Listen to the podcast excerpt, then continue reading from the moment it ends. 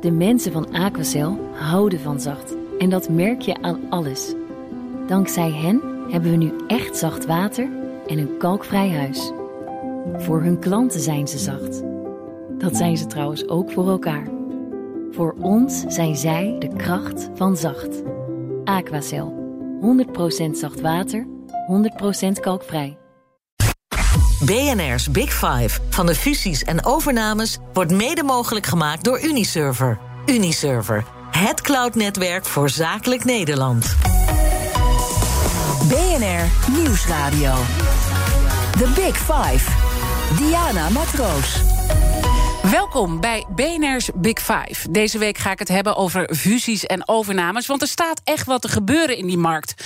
Corona heeft deze markt in ieder geval totaal op zijn kop gezet. Grote deals gingen op het allerlaatste moment niet door. En er was geruzie over de prijzen. Maar wellicht is er nu een keerpunt. En waar ik dan heel erg benieuwd naar ben. Hoe krijg je grip op dat spel? Hoe word je een goede onderhandelaar? Want in dit gevecht wil je natuurlijk niet de prooi, maar de winnaar zijn. En daarom praat ik deze week met vijf kopstukken uit de fusie- en overnamewereld. En zij nemen ons dan mee achter de schermen. Vandaag de fusie- en overnameadvocaat die grote bedrijven bijstaat. Als HEMA, Philips, ASML, AxoNobel, PostNL en NXP. En zijn uh, kantoor staat ook Grand Vision bij. Hij werd meermaals uitgeroepen tot Nederlands beste advocaat op dit vlak. Arne Grimme, hoofdafdeling fusies en overnames van de Brow Blackstone Westbrook. Van harte welkom. Welke kick krijgt u bij een deal op het moment dat het eindelijk rond is? Welke kick krijg ik van een deal? Uh, eigenlijk wat ik het mooiste vind aan overnames doen en een deal doen, is het is iets positiefs. Je viert het ook altijd met elkaar. Uh, en in deze coronatijd vier je wel wat minder dan, uh, dan vroeger. We hebben geen uitgebreide closing diners meer of closing events in, in mooie kastelen. Maar die tijden zijn een beetje voorbij. Maar je viert het tenminste. En dat is, dat is toch anders dan met litigation. Wat mijn kantoor ook doet. Ja. Maar, uh, maar voor mij is, is het vieren van een deal doen, iets samen bereiken, is eigenlijk het belangrijkste. Is dat heel mooi. En als het gaat om de spanning rond het vak, wat, wat is het wat, wat het voor u spannend maakt? Ja, eigenlijk even een klein, klein stapje terug. Waarom ben ik ooit begonnen in fusie en overnames? Ik, ik heb ooit rechten en bedrijfseconomie uh, gestudeerd. En ik vond het heel moeilijk om die twee te combineren. En toen dacht ik op een gegeven moment... ik wil eigenlijk curator worden. Want dat combineert het zo mooi. Want dan kan ik namelijk en juridisch bezig zijn... en dan kan ik ook een eigen ondernemer zijn. Weliswaar ondernemer uh, in, van een failliete onderneming. Maar toch. En, maar goed, toen ben ik begonnen in, uh, in dat insolventierecht. En toen ontdekte ik eigenlijk dat, dat de meeste faillissementen heel saai waren.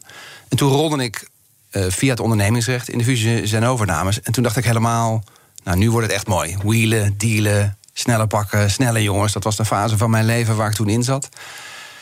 Maar eigenlijk waar ik nu zit, in de fase waar ik nu zit, vind ik eigenlijk andere dingen mooier. Ik vind nu vind ik eigenlijk het veel interessanter om te kijken naar wat is nou eigenlijk de strategie van een bedrijf. Waarom koop je? Waarom verkoop je? Doe je dat om te groeien? Doe je dat omdat je het niet organisch kan doen? Doe je dat omdat je naar een regio toe wil? Dus het is eigenlijk in de loop van de jaren inhoudelijker geworden. De, de, de passie voor dit vak. De passie, zeker. Zeker, maar ook het menselijke vind ik nu ook interessanter. Dus de psychologie. Waarom wil bijvoorbeeld een uh, familiebedrijf verkopen? Wat, zit, wat gebeurt er in die familie dat ze afstand nemen... en eigenlijk afscheid nemen van zo'n familiebedrijf? Dat is een enorme stap. En emoties die daarbij komen kijken. Of een founder die een bedrijf gebouwd heeft 40 jaar lang...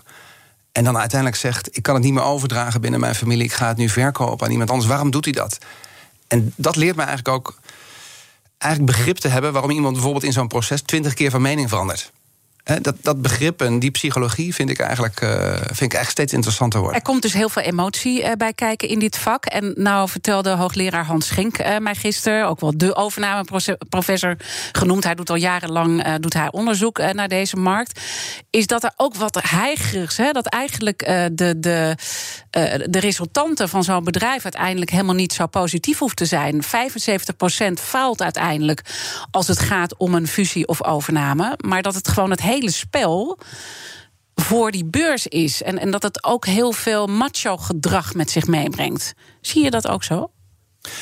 Ja, ik, ik, ik, ken die onderzoeken. En ik ken natuurlijk ook de onderzoeken, en dat is al heel lang zo, 10, 20 jaar, dat mensen roepen de meeste overnames mislukken. Um, maar aan de andere kant, we hebben al overnames uh, millennia lang. sinds de Romeinen worden al bedrijven verkocht en gekocht. dat, heeft, dat heeft gewoon een functie. En ik, tuurlijk zie ik ook wel dat het in golven gaat. En natuurlijk zie je dat in een crisis dat er minder overnames zijn. En op een gegeven moment zie je ook wel dat lemmingengedrag mm in bepaalde industrieën, met name als het gaat om consolidatie. Maar, maar we moeten niet vergeten, achter consolidatie zit ook een gedachte. Er zit ook een gedachte achter dat als je niet consolideert in een branche, in een industrie, dat je dan vervolgens alleen maar een regionale speler bent. Of alleen maar een speler met een beperkte productportfolio. Terwijl anderen kunnen het breder leveren. Die kunnen in meerdere landen leveren. Die kunnen een veel, veel breder uh, portfolio aan producten leveren. Dat heeft ook een functie op zichzelf.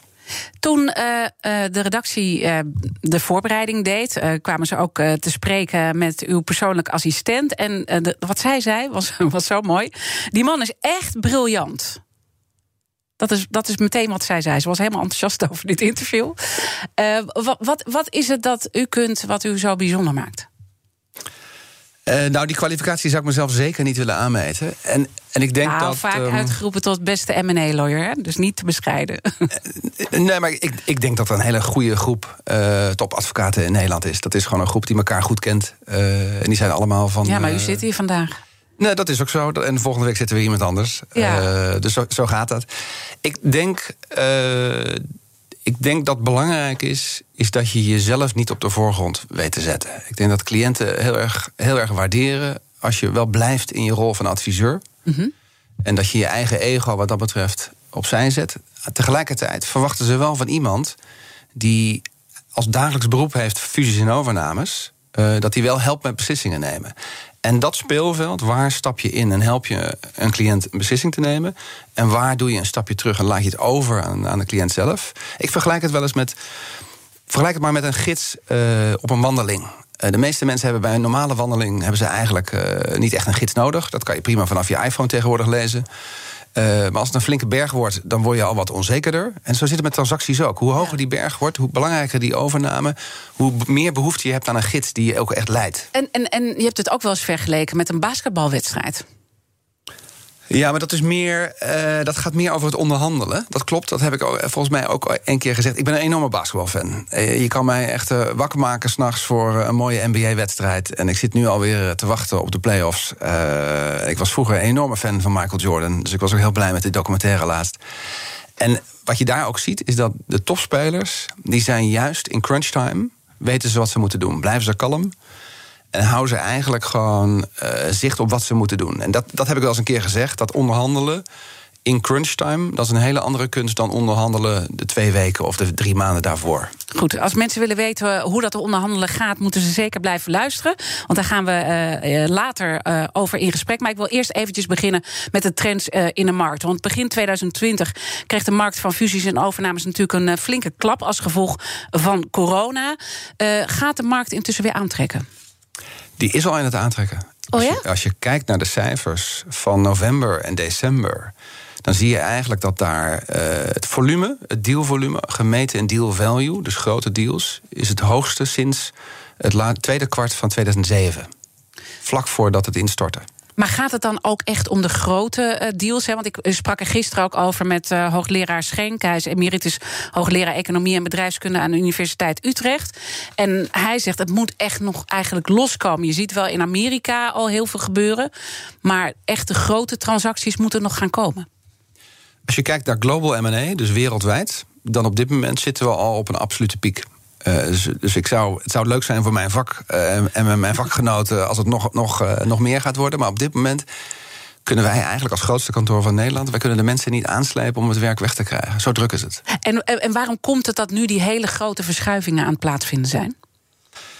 Nou, ik denk dat. En ik ben geen macro-econoom, ver, verre van. Dus er zijn mensen die hier veel meer verstand van hebben. Maar met mijn, met mijn boerenwijsheid, zoals ik er naar kijk, uh, is eigenlijk heel simpel. We hebben te maken met centrale banken die pompen triljoenen in het systeem.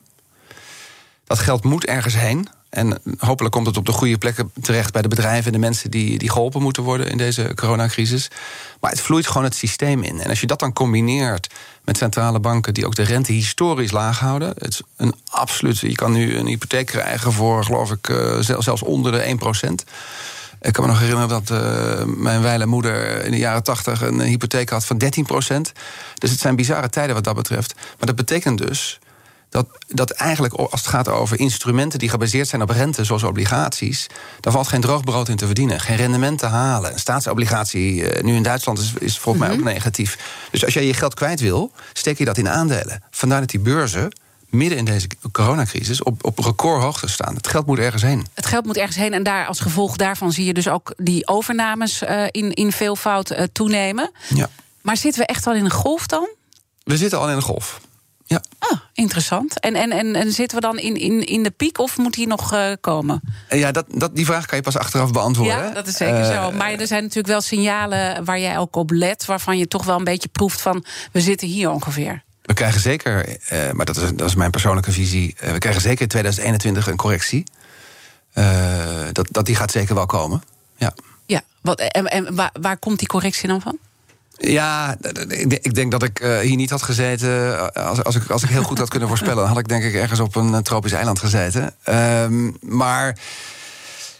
Ik denk dat die correctie gaat komen uit het feit dat mensen op een gegeven moment winst gaan nemen. Op het moment dat er, een, eh, dat er toch zicht komt op een andere ontwikkeling. kan inflatie zijn, het kan eh, spanningen zijn tussen Amerika en China. eh, het kan, kan allerlei kanten op komen. Mhm. Want als ik gewoon even kijk naar wat, wat signalen die ik in ieder geval met mijn boerenverstand op dit, dit vlak, maar wel als journalist natuurlijk zie, is dat de steun van de overheid op een gegeven moment gaat stoppen. Dus Ja. dat betekent ook weer dat bedrijven verzwakt raken natuurlijk. We hebben een nieuwe president in Amerika. Nou ja, die zitten natuurlijk al eventjes, maar relatief kort. Dus je krijgt ook een heel geopolitiek eh, spel. Straks is iedereen gevaccineerd. Dus eh, kunnen weer tal van dingen gaan eh, bewegen. Digitalisering heeft enorm doorgetrokken. Dus wat, wat, zijn nu, ik bedoel, gaan we meer juist over de grens aankopen doen? Wat, wat, op welke signalen let jij met name?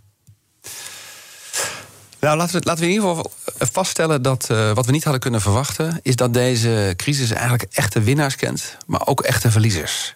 Eh, en als je nu dus hè, als je kijkt, als je nu online zit, als je eh, nu in food zit, als je nu iedereen is bezig met zijn huis te verbouwen of om nieuwe spullen te kopen. En, en, en de verliezers, iedereen in de winkelstraat. En de vraag is even, wat, wat gaat daarvan terugkeren van de oude wereld? Uh, of zijn mensen toch, hebben ze de shift gemaakt naar bijvoorbeeld online en digitalisering? Uh, op een manier die sustainable is? Dat, dat zal de vraag zijn. Ik denk zelf dat we zoveel geleerd hebben, dat het is zo'n enorme shock geweest. Uh, ook het thuiswerken bijvoorbeeld, wat je ziet, en het videobellen. Uh, dat gaat niet zomaar weg. En dat kan dan een enorm gevolg hebben voor die overname- en fusiemarkt. En ik denk dus dat je dus die verliezers die er zijn, die worden niet zomaar weer opnieuw winnaars. Uh, dus ik denk dat je wel een shift gaat zien. Je gaat ook een shift zien. Tuurlijk gaan mensen deze zomer gaan ze vliegen. Mm-hmm. Tuurlijk gaan ze op vakantie. Iedereen wil op vakantie. Ik denk dat we een complete standstill krijgen als we niet oppassen in het bedrijfsleven. Omdat ja. iedereen uh, eindelijk een keer in de zon wil zitten. Maar ik denk niet, niet dat er meer gevlogen gaat worden zoals, uh, zoals vroeger. We gaan niet voor een dagje even heen en weer naar Londen. Niet meer, niet meer alsof het een bus is of een trein. En zou het ook kunnen zijn dat bedrijven op zoek gaan naar uh, veerkracht? Hè? Want uh, nu maken bedrijven natuurlijk een crisis mee. En dat ze dus toekomstige marktverstoringen willen doorstaan. En op basis daarvan ook aankopen gaan doen. Ja, zeker. More sustainable. Een grotere buffer aanhouden. Uh, niet, niet, niet op het randje lopen door een hele hoge leverage en te denken: het komt vanzelf wel goed. Uh, die les hebben een aantal uh, mensen ook wel geleerd. Uh, absoluut. The Big Five. Diana Matroos. Deze week praat ik met vijf kopstukken uit de wereld van de fusies en overnames. Later deze week spreek ik onder andere met de overnamekoning Jan Alberts en met de topman van HEMA, Tjeerd Jegen. Mijn gast vandaag is Arne Grimme. Hij is M&A-lawyer bij De Brouw en uh, vaker uitgeroepen tot beste M&A-lawyer van ons land. Een trend die al langer gaande is, is de toename van buitenlandse kopers en investeerders in Nederland. En misschien is dat ook een interessante tendens om over te praten. Gaat deze ontwikkeling uh, toenemen? Ja, dat is een thema waar, waar al heel lang over wordt gesproken. Uh, ik kan me nog herinneren, twintig jaar geleden... een collega van mij, een toenmalige collega van mij, uh, Sjoerd IJsma... die zei, binnenkort kunnen we ons kantoor opdoeken. want Nederland staat in de uitverkoop. En dat was, dat was ook zo. dat was tien jaar daarvoor ook zo. En dat was, was daarna ook zo. Dat, dat roepen we eigenlijk van alle tijden. Maar wat we denk ik ook niet moeten vergeten... is dat de bedrijven die toen de kampioenen waren... die zijn of nu weg... Uh, of gemarginaliseerd. Maar we hebben ook nieuwe kampioenen. We hebben ook Takeaway, we hebben Adyen. Uh, binnenkort krijgen we Coolblue. We hebben ASML als absolute wereldkampioen. Uh, dus we moeten niet vergeten... Ja, het, het is een komen en gaan. En eigenlijk doet, doet de Nederlandse beurs en de Nederlandse multinationals doen het, het net zo goed op zijn minst als twintig jaar geleden. Dus ik maak me daar niet zo'n zorgen over. over. Eh, dus, dus het, het feit dat toen hè, de HEMA, eh, daar was je natuurlijk betrokken bij eh, als advocaat. Toen hadden we heel goed het gevoel, wij moeten die HEMA houden. En dat moet niet naar het buitenland verdwijnen. Dus, kijkt u daar dan anders naar? Uh, ja, ik denk dat als je, als je als economie gaat denken in we moeten vasthouden en niemand mag overnemen wat wij hebben, maar wij mogen wel in het buitenland overnemen. Zo, zo werkt het niet in een vrijhandelsstaat, uh, zoals Nederland al vier, vijf eeuwen is. Dat, dat, dat werkt niet. Nee. Dat zie je overigens ook. Uh, een van de weinige dingen, denk ik, waar mensen Trump in gelijk hebben gegeven, is zijn kritiek op China. Dat hij zegt: het is wel dit voor dat. wij handelen bij jou, jij handelt bij ons. Ja, dus daar moet je ook niet lullig over doen. Daar moet je ook niet maar dat geldt Want wij kunnen het natuurlijk net zo goed ook. Hè? Wij doen, in Nederland doen we natuurlijk ook gewoon uh, in het buitenland. Nederland is jarenlang eigenlijk een kampioen geweest... in het doen van overnames juist in het buitenland. We hebben, we hebben altijd hele grote multinationals gehad... die heel actief waren in overnames in het buitenland. Ja. Dan kan je niet verwachten dat het andersom niet mag. Ja. Nou, nou uh, uh, heb je natuurlijk die buitenlandse hand heb jij ook uh, vaker meegemaakt. Onder andere toen je advocaat was van Nobel. Het Amerikaanse bedrijf PGG probeerde op dat moment op een zeer agressieve manier Nobel over te nemen in 2017. Neem ons eventjes mee achter de schermen hoe dat, hoe dat is gegaan. Wat je zelf ook opvallend vond in die tijd.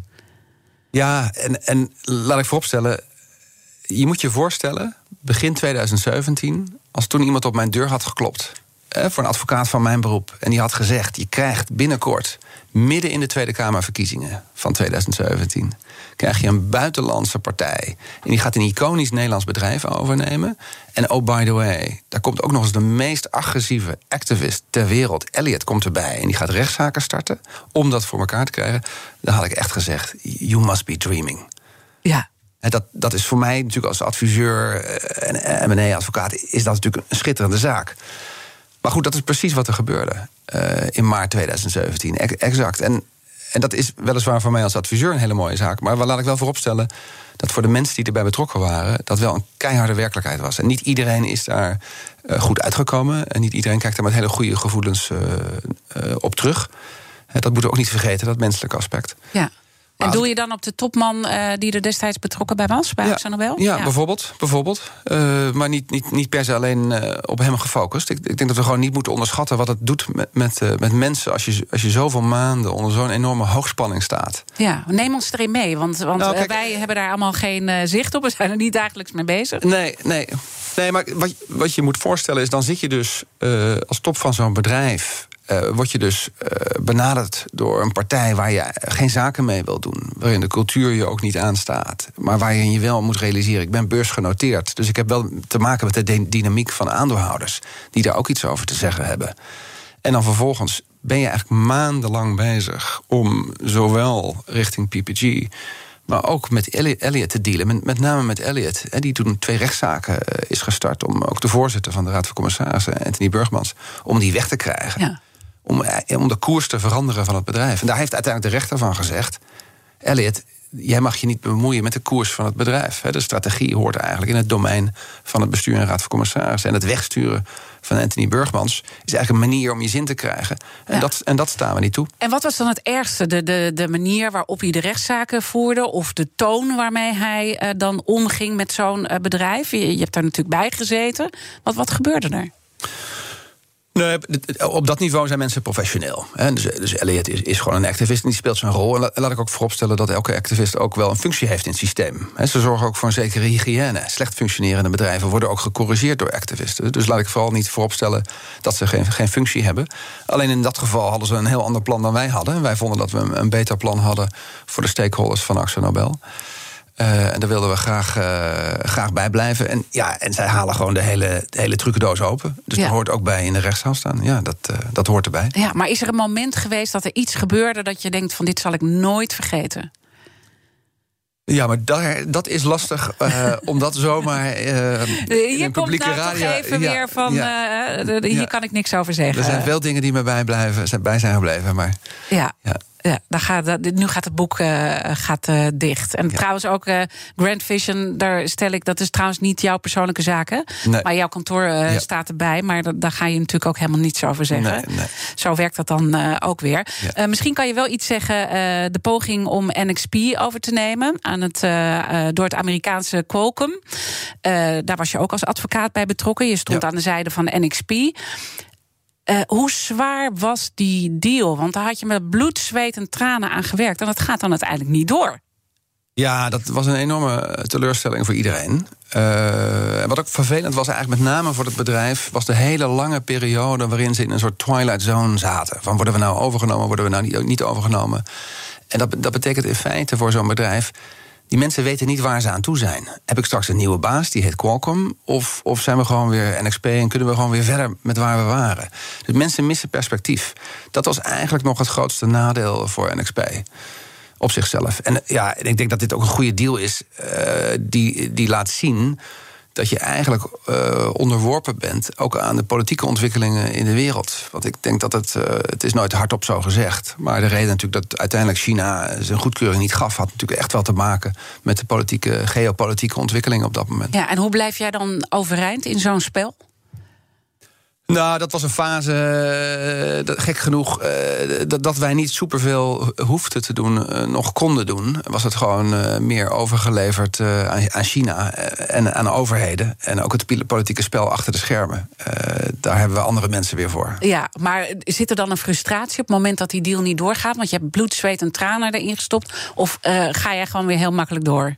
Ik kan dat soort dingen wel makkelijk van mezelf, kan me wel, wel goed van mezelf afzetten. Ja, ik heb daar. Uh, je ik moet heb je... geen last van. Geen slapeloze nachten. Nee, ik heb daar geen slapeloze nachten van. Nee, nee. Waar, waar heb je wel een slapeloze nacht van dan?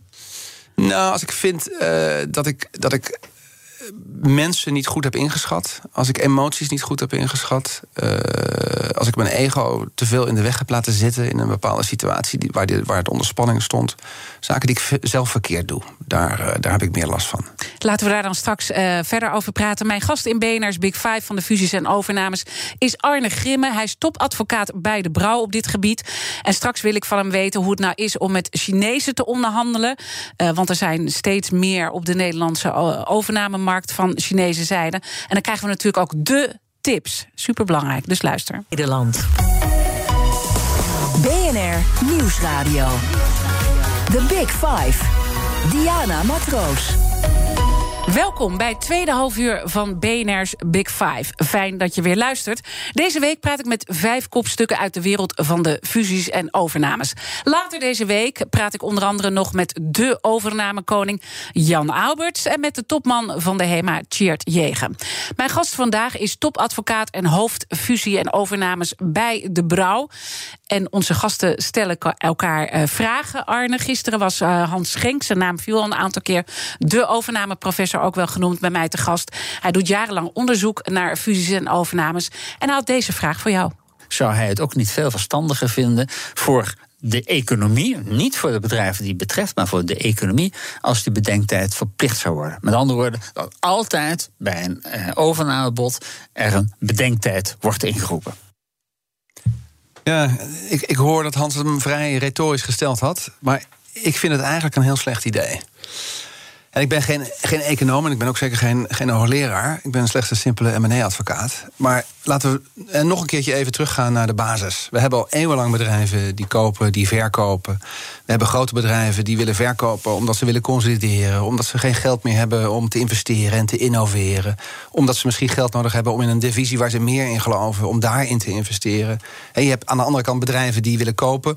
Juist omdat ze een regio missen in hun portfolio. Of omdat ze producten missen. Of omdat ze zaken willen combineren klanten vragen om andere producten. Mhm. Dus er zijn gewoon legitieme redenen waarom bedrijven verkopen en waarom bedrijven kopen. Nou, die, die overnames, die moet je ook faciliteren.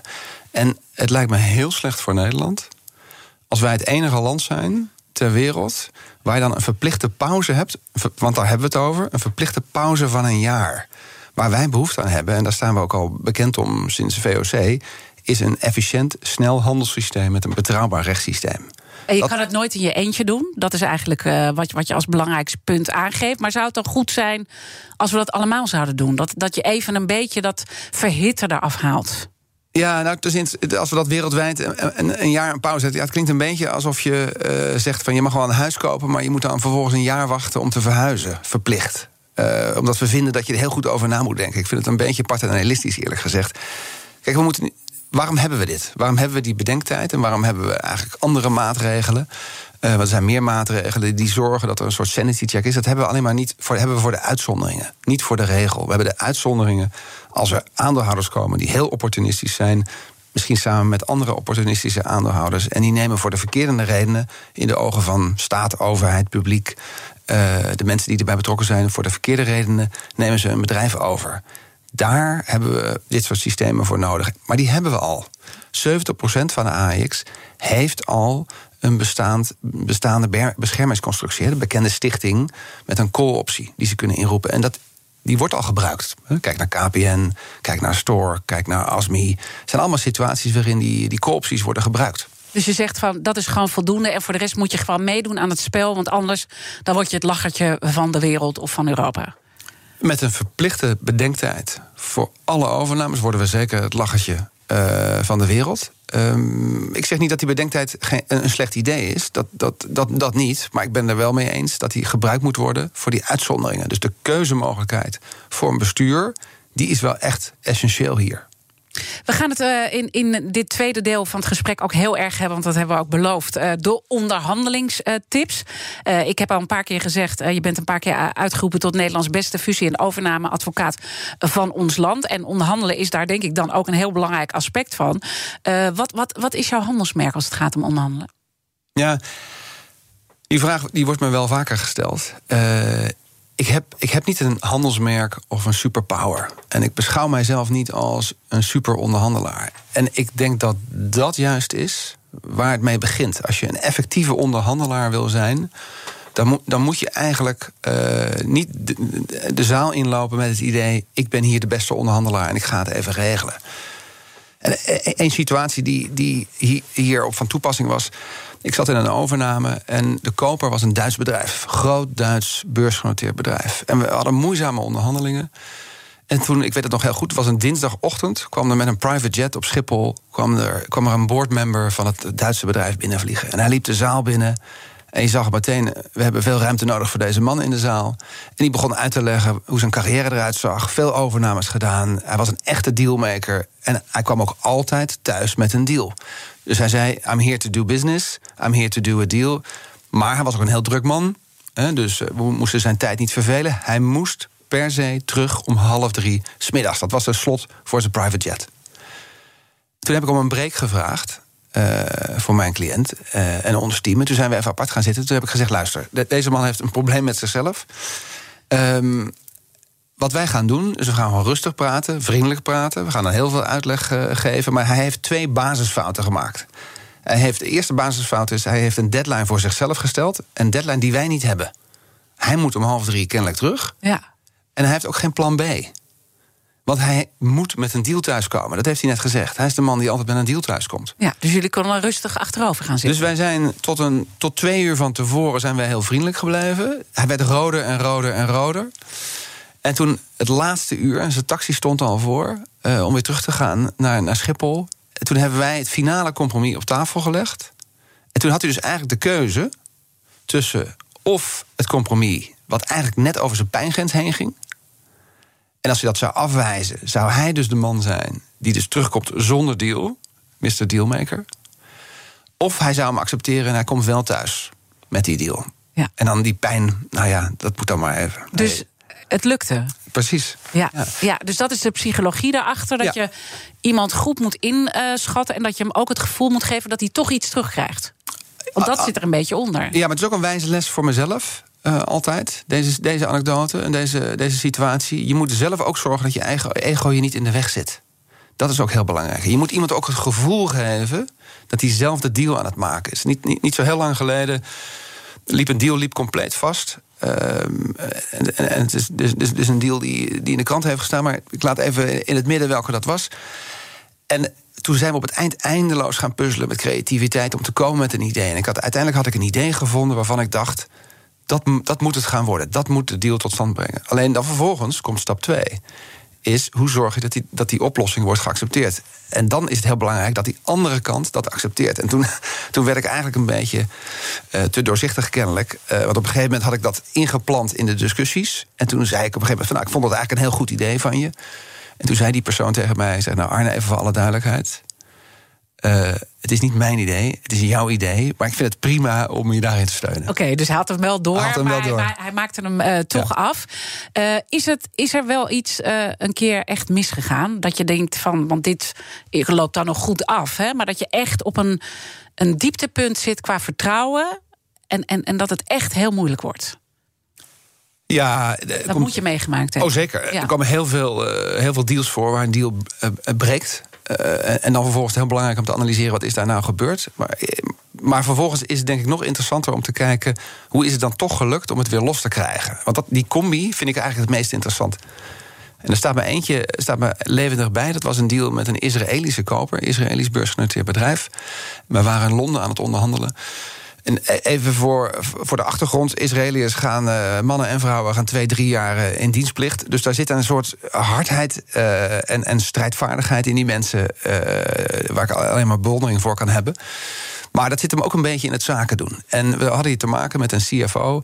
Die, die was de hoofdonderhandelaar. En die was echt hard. Heel hard. En op een gegeven moment was hij zo gefrustreerd over, dat het, over, eigenlijk over ons, over onze positie dat hij met zijn hoofd tegen de muur aan het bonken was. En dat had ik nog nooit meegemaakt. Dus ik stond, echt, ik stond echt te kijken van... oké, okay, meestal gebeurt het, gaat het allemaal heel uh, respectvol. En, uh, maar dit was, dit was volkomen bizar in mijn wereldje. En, en die man was gewoon zo gefrustreerd... dat hij tegen, met zijn hoofd tegen de, tegen de muur stond te bonken. Nou, die deal die stopte natuurlijk, want de emoties waren volledig geëxplodeerd. Maar er was een CEO... Die was 15 jaar ouder, die was bijna 70. En die was ook grote aandeelhouder. En die belde de dag daarna op vanuit Israël. En die zei: We hebben een feest met ons bedrijf. En we hebben een mooi strandfeest in Tel Aviv. Met een mooie barbecue en een band. Willen jullie komen? En we hadden dus net, net 24 uur na die ruzie. En toen zijn we daarheen gevlogen. Toen hebben we niet gesproken over de deal. En toen heeft hij eigenlijk uh, de dag daarna, heeft hij, na dat feest, is hij nog eens een keer begonnen over de deal. En toen hebben we de deal binnen twee, drie dagen gemaakt. Dus dan zie je dat gewoon uh, uh, vertrouwen terugkrijgen ook ja. zit in de relationele sfeer. En Absoluut. gewoon eigenlijk niet ja. over de business uh, praten. Zou dat ook een interessant advies zijn aan een kabinet wat ze proberen te vormen op dit moment, wat met enorm veel hobbels gaat? Onderhandelen betekent ook gunnen. En, en onderhandelen betekent vertrouwen. En zonder vertrouwen is er ook geen gunnen. En, en die twee dingen heb je nodig om een resultaat te bereiken. Dus, en ik, overigens is mijn beeld dat, ze, dat de persoonlijke verhoudingen uh, in Den Haag best goed zijn. Dus ik zou denken dat ze daar uh, heel ver komen. Ik, als ik naar andere landen kijk, dan denk ik, doe ik het nog, doen, ze, doen wij het nog niet zo slecht. Als ik, uh, als ik rechts en links samen zie praten, denk ik, nou, dat is toch heel anders dan Amerika of zelfs Engeland. Maar helemaal eens. Vertrouwen en gunnen, dat is de kern. Goed, laten we straks verder praten ook over het onderhandelen met Chinezen. Want dat gaat heel af. BNR Nieuwsradio. The Big Five. Diana Matroos. Je luistert naar BNR's Big Five van de fusies en overnames. Mijn gast vandaag is fusie- en overnameadvocaat Arne Grimme van het uh, advocatenkantoor De Brow Blackstone Westbroek. Uh, we waren net bij de onderhandelingstips uh, aangekomen. En het is toch wel mooi om ook even de Chinezen te benoemen. Omdat die totaal anders werken als het gaat om onderhandelingen. En Chinezen komen steeds meer op die overnamemarkt, ook uh, hier in Nederland. Wat maak jij daarin mee? Nou, best veel. Ik heb veel gewerkt met Chinese partijen. Um, Overigens is eigenlijk de Chinese golf. En jou heb je volgens mij ook gedaan, toch? Of niet? Ja, ja. Met het Chinese Angbang. Ja, ja met uh, Chairman Wu. Ja. Uh, die, waar het later toch wat minder mee ging. Uh, ja, de hele interessante man om mee te maken. een van de dingen die hij bijvoorbeeld deed was net doen alsof hij geen Engels sprak. Dus alles moest dan in, in, vertaald worden voor hem. Maar hij kon prima, hij kon prima Engels. maar wanneer kwam je daarachter? Dat, nou, dat had ik al vrij snel door. Maar hij wist, hij wist iedereen toch redelijk lang in het ongewisse te laten. Ja. Dus dat is heel interessant. Ja. Uh, maar, goed. als we wat meer in de breedte kijken, ja. dus niet speciaal reaal, maar nee. uh, um, gewoon hoe, hoe onderhandelen die Chinezen en hoe anders is dat dan dat wij het doen? Ja, nou, en altijd het risico dat je altijd te veel algemeniseert. Uh, want er is wel een verschil tussen Chinezen die bij Chinese staatsbedrijven werken en Chinezen die echt in de private industrie zitten. En dat is ook meer en meer. Hè. Die zijn ook meer en meer westers trouwens. Ook westers opgeleid. Maar als we dat even parkeren. Dan zijn er een paar dingen die mij altijd zijn opgevallen. Zij, zij, zijn, zij vinden het heel moeilijk om direct te zijn als het in persoonlijke sfeer lastig is. Dus nee zeggen. Uh, dat vinden ze toch lastig. Zij, zijn, zij vinden de sfeer heel belangrijk. Ze vinden de relatie ook heel belangrijk. Ze vinden de vertrouwen ook heel erg belangrijk. Uh, dus dat zie je heel erg terug. Wat ik zelf heel lastig vind, is het feit dat zij anders omgaan met, met de mores in onderhandelen en in deals doen. Ik, ik kan me nog heel goed herinneren, eh, die kan ik misschien wel even vertellen, dat is zo lang geleden. Toen trad ik een keer op voor een Chinese partij. Die wilde Spijker overnemen van Victor Muller. Misschien kan je dat nog herinneren, dat is ja, heel lang geleden. En eh, dat was een van mijn meer bizarre ervaringen met Chinezen. Want ik zat naar het FD te kijken en er stond een foto in. Op een, op een podium stond die Chinees samen met Victor Muller. En die hadden een deal aangekondigd. En toen werd ik die avond gebeld. Van of ik kon optreden voor die Chinese partij. Ik zei, nou, maar hoe kan dat nou? Want ik lees al in de krant, die deal is al gedaan. Waar heb je mij dan voor nodig? Ja, daar moet je niet al te veel op letten. Uh, we gaan eigenlijk nu pas kijken naar die deal. Maar die hadden dus iets getekend. En daar gingen ze dus daarna pas met adviseurs, zowel financiële adviseurs als juridische adviseurs, naar kijken. Nou, dat was een, een draak van een stuk. Daar, klopte echt helemaal niks van. Ook financieel niet. Ze konden ook geen fairnessopinie krijgen. Dus die deal is uiteindelijk uh, geklapt. Maar dat, dat leert je dat contracten zijn voor Chinezen soms gewoon het beginpunt van een verder gesprek. En, en, en, pas op het moment dat alles getekend is, dan is de deal pas rond.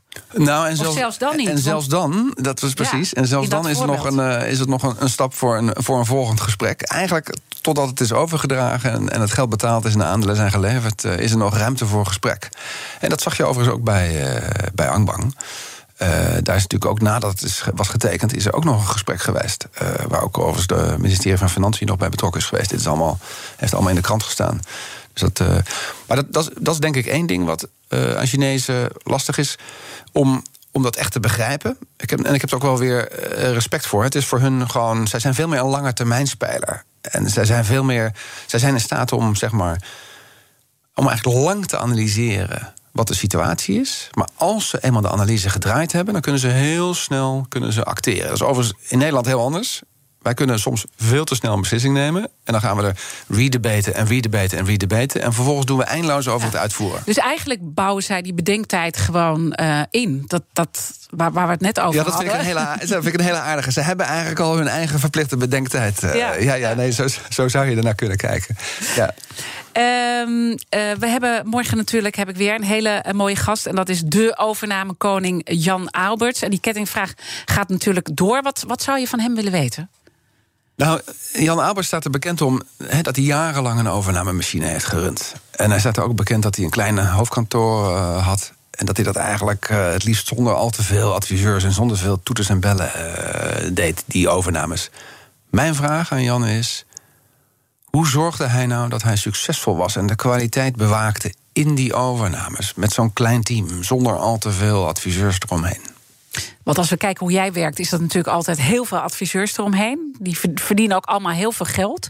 Is dat dan allemaal wel nodig? Als Jan Albers het met een klein team kan. Ik, dat ga ik morgen horen van Jan. Ja, ja, dat, uh, misschien ben ik uh, na morgen weer werkeloos. Um, Tjeerd Jegen, de topman van de HEMA, die is vrijdag bij mij uh, te gast. En je hebt natuurlijk de HEMA bijgestaan bij die overname door uh, Parcom. Um, wat was nou jouw beste zet in die deal? Kan je daar iets over zeggen? Uh, ja, het is Parkom en de Van Eert familie. Ja. Uh, gezamenlijk. laat ik vooropstellen dat ik ontzettend blij ben voor HEMA. Ik ben natuurlijk ook maar een burger van dit land. Ik doe heel graag, krop ik in de winter mijn handschoenen en mijn muts bij, uh, bij de HEMA. Dus ik ben heel blij dat het in Nederland blijft. Dus we hadden net eerder een discussie over Nederlandse bedrijven in buitenlandse handen. Voor mij is, is HEMA een, een iconisch Nederlands merk. Overigens denk ik dat, dat je prima van eigenaar kan wisselen... en toch een iconisch Nederlands merk kan houden. Uh, daar niet van. Um, maar dus het eindresultaat ben ik heel blij mee. Uh, dat wil ik even, even zeggen. Ik ben ook blij dat Pakkum en Van Eert uh, die handschoenen hebben, hebben opgepakt. Uh, ik, ik denk dat wij, wat we met, met z'n allen goed hebben gedaan in dat team... en ik spreek ze later deze week spreek ze weer... is dat we altijd hebben gezocht naar de oplossing. Hoe moeilijk het ook was. Hè, om, een, om te praten over de overname van een retailbedrijf... wat continu in een lockdown is, en erin, en eruit, en erin, en eruit... en toch zorgen naar die kijken of je bij die finishlijn kan komen. Uh, en niet te veel ingegraven zitten. Dat hebben we denk ik als team goed gedaan. En nou spreek ik hem natuurlijk eh, vrijdag. Jij spreekt hem dus blijkbaar ook uh, later deze week. Maar is er iets wat ik hem echt moet vragen? Want het is misschien ook mooi om die kettingvraag dan nu eventjes dubbel te doen. Omdat jullie ook een relatie met elkaar hebben en samen hierin hebben gestaan. Ik denk dat voor Cheert uh, zou, zou mijn vraag eigenlijk als volgt zijn. moet ik eerst even beschrijven wat de positie is van HEMA. HEMA was geen koper of verkoper hier. Uh, HEMA was in deze transactie het, het, eigenlijk het kalkoen op het kerstdiner. En we hadden de bondholders, die waren eigenaar geworden nadat Marcel Boekhoorn eruit was gestapt of moest uitstappen. De bondholders hadden eigenlijk de macht gegrepen voor de zomer en die waren eigenlijk de verkopers. Een lastige groep om, eh, om voor op te treden, dat was mijn rol. En dan heb je de kopers, Parkom en Van Eert. Ja, dus de schuldeisers speelden hier een hele belangrijke rol. Een hele belangrijke rol. En mijn vraag eigenlijk aan Tjeerd zou zijn: had hij heel erg last van dat kalkoengevoel? Van, er wordt over mij gepraat uh, hoe, hoe het menu wordt uh, geserveerd op het kerstdiner.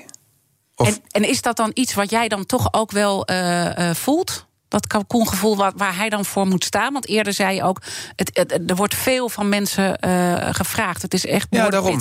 daarom. Het, het, moet een pittig proces zijn geweest. Ik, ik heb wel het gevoel, maar Matthias moet het zelf vertellen vrijdag... ik heb het gevoel dat we met z'n allen elkaar wel hebben meegenomen aan de hand. dus dat geldt ook hopelijk voor Tjeerd en voor de CFO Joost en Beijer...